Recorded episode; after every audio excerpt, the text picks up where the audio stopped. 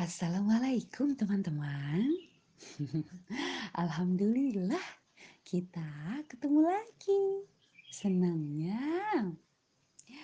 Nah, semoga teman-teman sehat ya.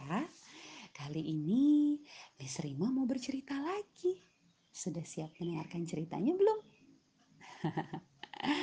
nah, duduk yang rapi, konsentrasi, dan dengarkan ceritanya sampai selesai dengan tertib ya.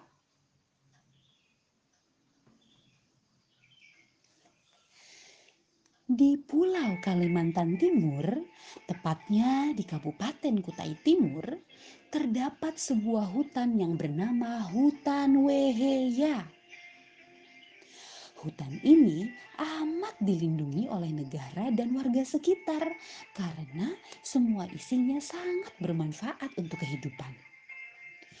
Pepohonan, air, bahkan hewan-hewan yang ada di dalamnya pun dilindungi.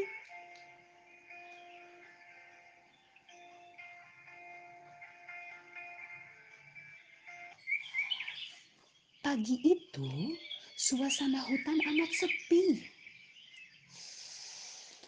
Aroma bunga barenteng tercium sangat harum. Hanya terdengar kicauan burung yang indah.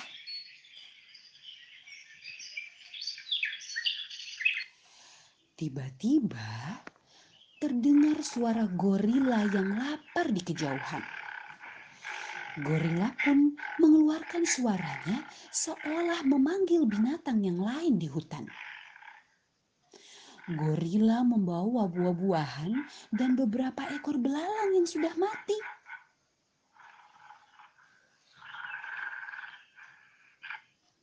Kemudian dengan membawa setanggap rumput, seekor domba pun menyusul datang dari arah utara. Tak lama berselang, burung elang pun terbang secepat kilat seolah berlari menuju gorila dan domba yang sedang berkumpul. Elang membawa tikus mati di mulutnya.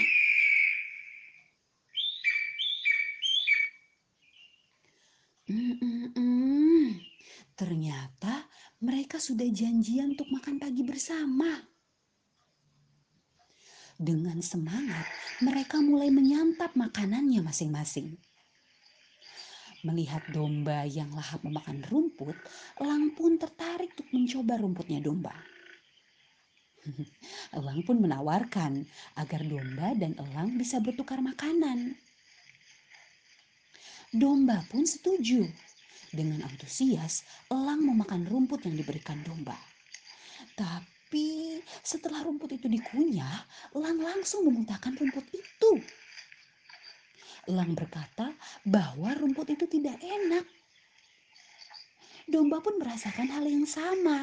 Domba tidak suka rasa tikus mati itu.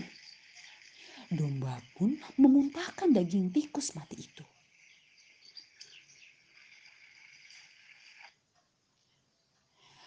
Melihat kejadian itu, gorila tertawa terpingkal-pingkal. Gorila berkata bahwa elang dan domba sangat lucu.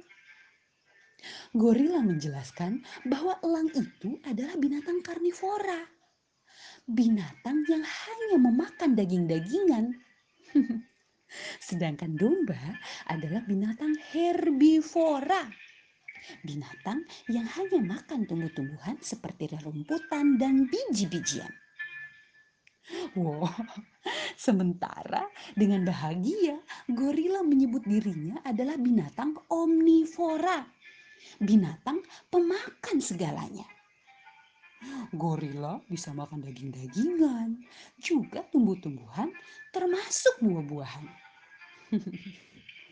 Sejak saat itu, elang dan domba pun mengerti bahwa mereka berdua berbeda.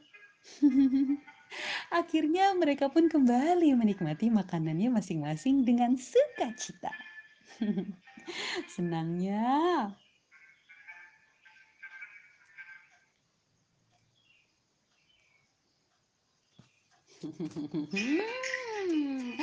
Alhamdulillah Itu tadi cerita yang berjudul antara gorila, domba, dan elang.